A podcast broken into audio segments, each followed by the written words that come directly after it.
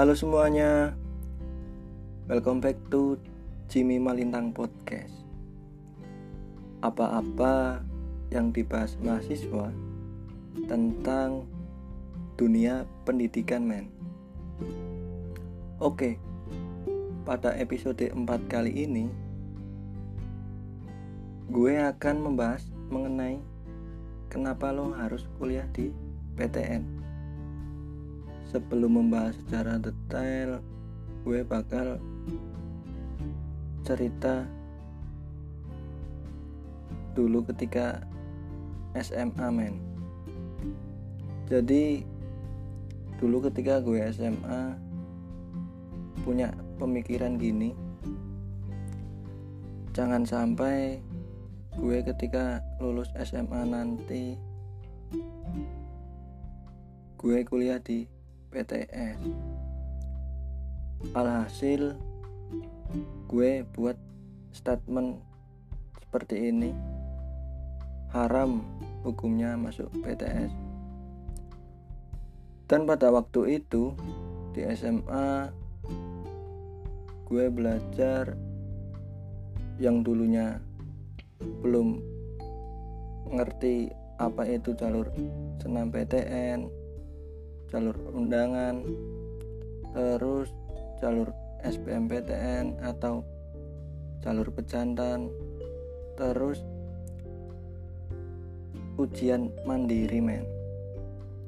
Alhasil gue waktu itu di SMA udah mempersiapkan sejauh mungkin men untuk menghadapi pertempuran SBMPTN dan pada waktu itu juga gue dapat jalur undangan men.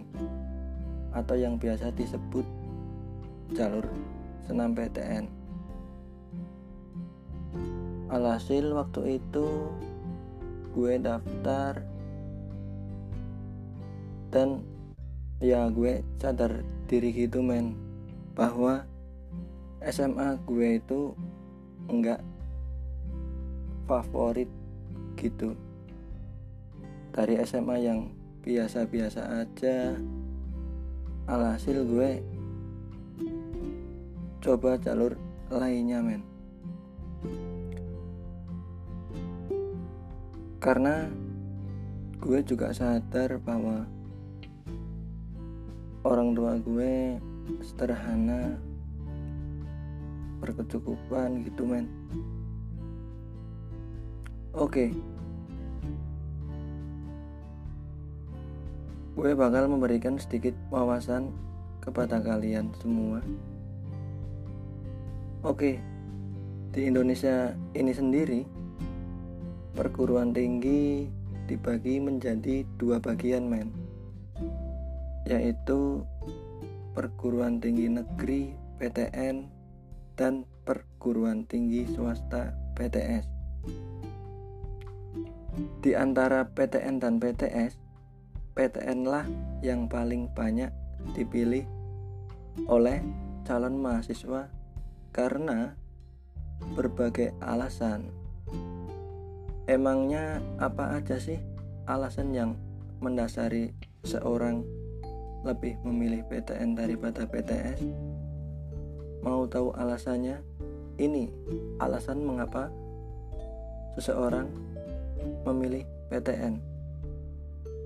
Yang pertama, PTN lebih keren, lebih kokil daripada PTS. Banyak calon mahasiswa yang memutuskan untuk memilih masuk PTN. Bahkan rela mereka yang saat ini kuliah di PTS untuk pindah ke PTN. Ya jelas dong, karena PTN lebih gokil dibandingkan dengan PTS. Hal yang mendasari PTN lebih keren daripada PTS yaitu proses masuk dan proses seleksi yang begitu sangat ketat dan susah men. Bagi para pejuang yang pernah mengikuti proses masuk dan memilih PTN pasti bisa mendapatkan susahnya untuk masuk PTN itu sendiri men. Diterima dengan mengikuti jalur senam PTN atau jalur undangan. Jika gagal dilanjutkan dengan jalur SBMPTN atau jalur pejantan.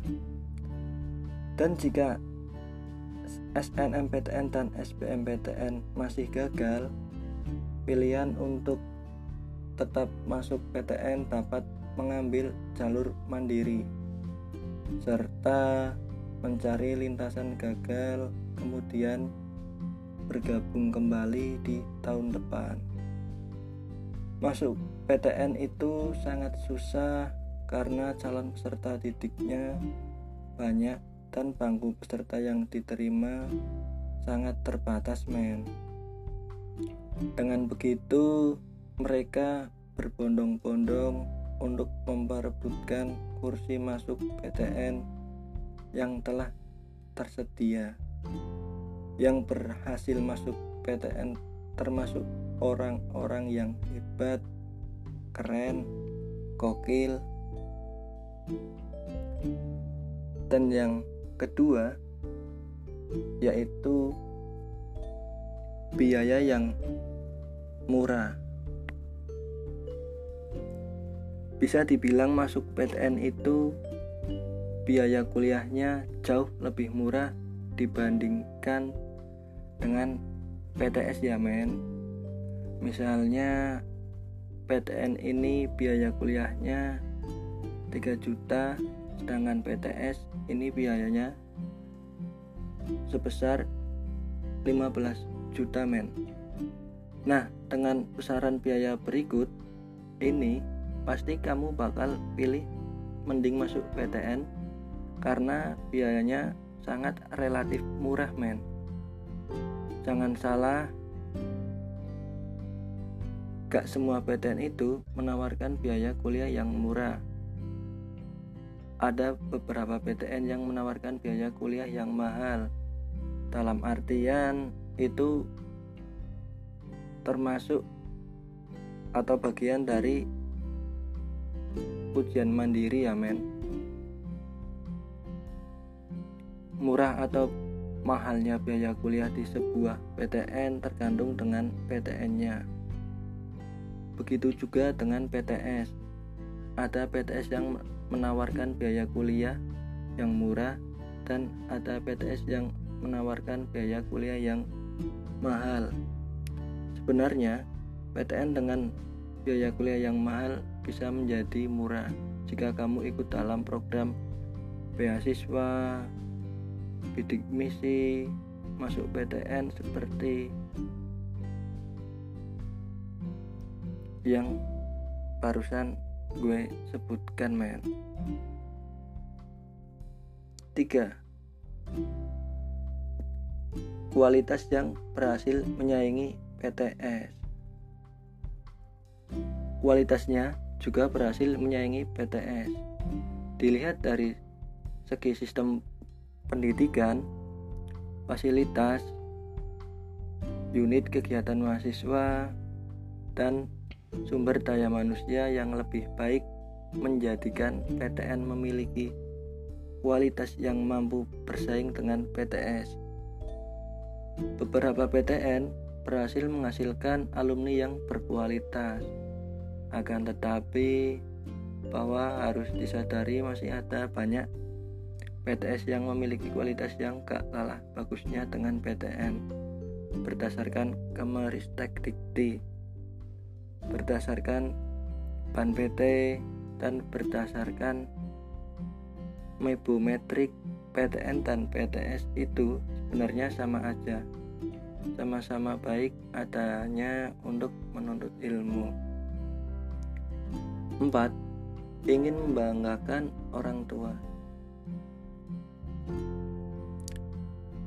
Berhasil masuk ke PTN memiliki kebanggaan tersendiri bagi diri kita dan bagi orang tua. Pemilihan masuk PTN bisa atas dasar keinginan diri sendiri dan keinginan orang tua yang mengharuskan anaknya untuk masuk ke PTN daripada PTS.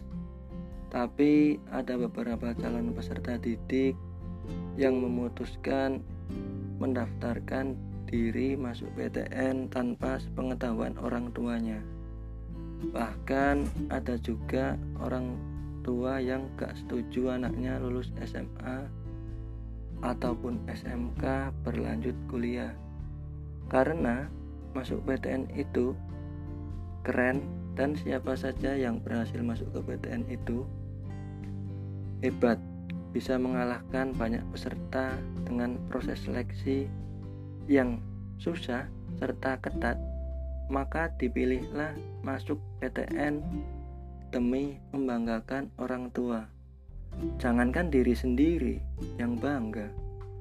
Kalau bisa masuk PTN orang tua juga pasti bangga punya anak yang berhasil masuk PTN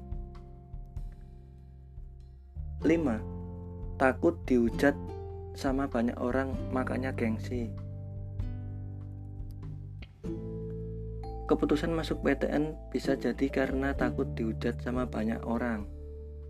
Beberapa orang memandang kalau masuk PTN berarti orang tersebut pinter. Jangan salah, yang nggak pinter aja bisa kok masuk PTN ada juga yang memandang kalau masuk PTS berarti orang tersebut bodoh. Tingkat kecerdasan seseorang tidak dilihat dari jenis perguruan tinggi tempat orang tersebut menempuh pendidikan. Akan tetapi berdasarkan kemampuan berpikir dan kemampuan emosional yang dimiliki oleh seseorang karena takut dihujat oleh banyak orang makanya gengsi dan alternatif untuk masuk perguruan tinggi yaitu masuk PTN dengan berbagai macam jalur masuk PTN atau jalur seleksi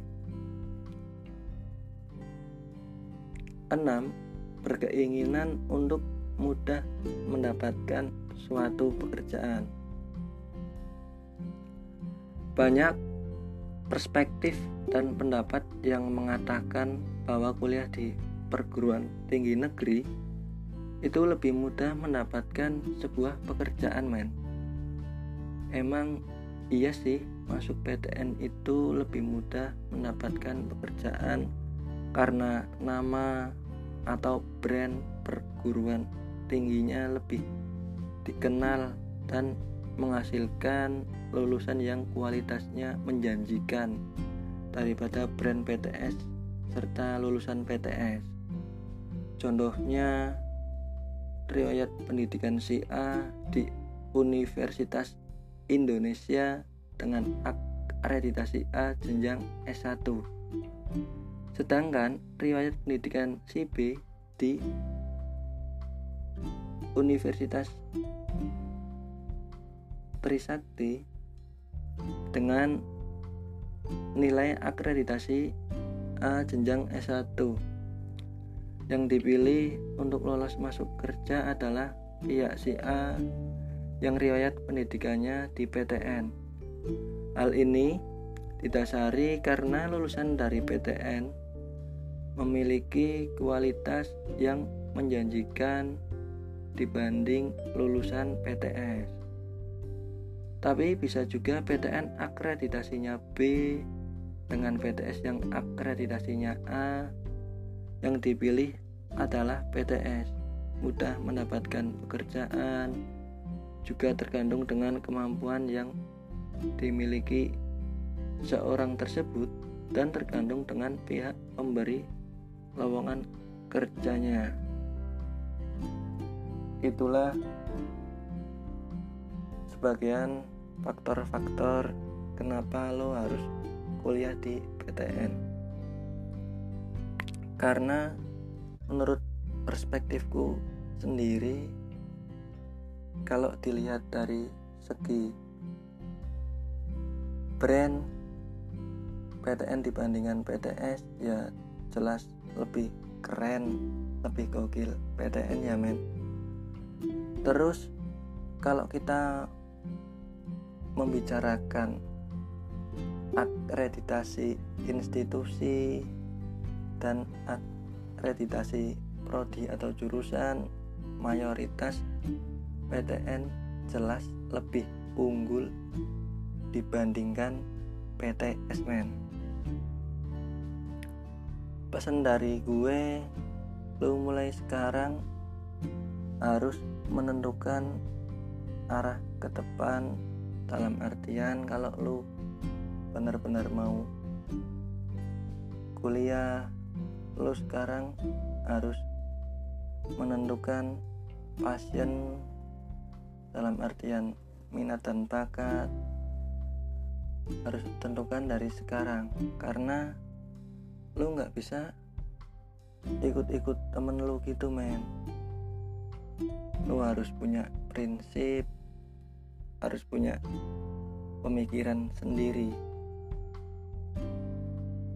Dan gue sadar men bahwa usaha tidak akan mengkhianati hasil dan keberhasilan itu tak terlepas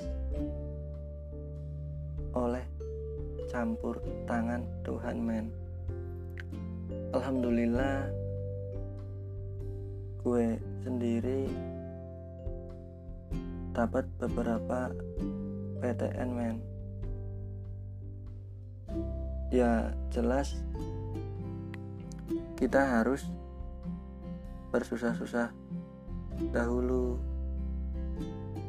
bersakit-sakit dahulu baru senang kemudian men saran dari gue nikmati dulu prosesnya. Ibarat lu saat ini sedang menanam tapi suatu saat nanti lu akan memanennya men. Itu pasti. Oke. Demikian yang bisa saya berikan sedikit wawasan kepada kalian. Semoga bisa tercurahkan dan bermanfaat karena pada dasarnya if you wanna something you must pay the price. Semua itu tidak ada yang gratis men. Lu harus mengorbankan salah satu di antaranya demi visi dan misi yang lu inginkan. Oke? okay? Dan ingat pesan dari gue Make real not dream. Membuat nyata bukan mimpi Dan born to make history Lahir untuk membuat sejarah. Bye bye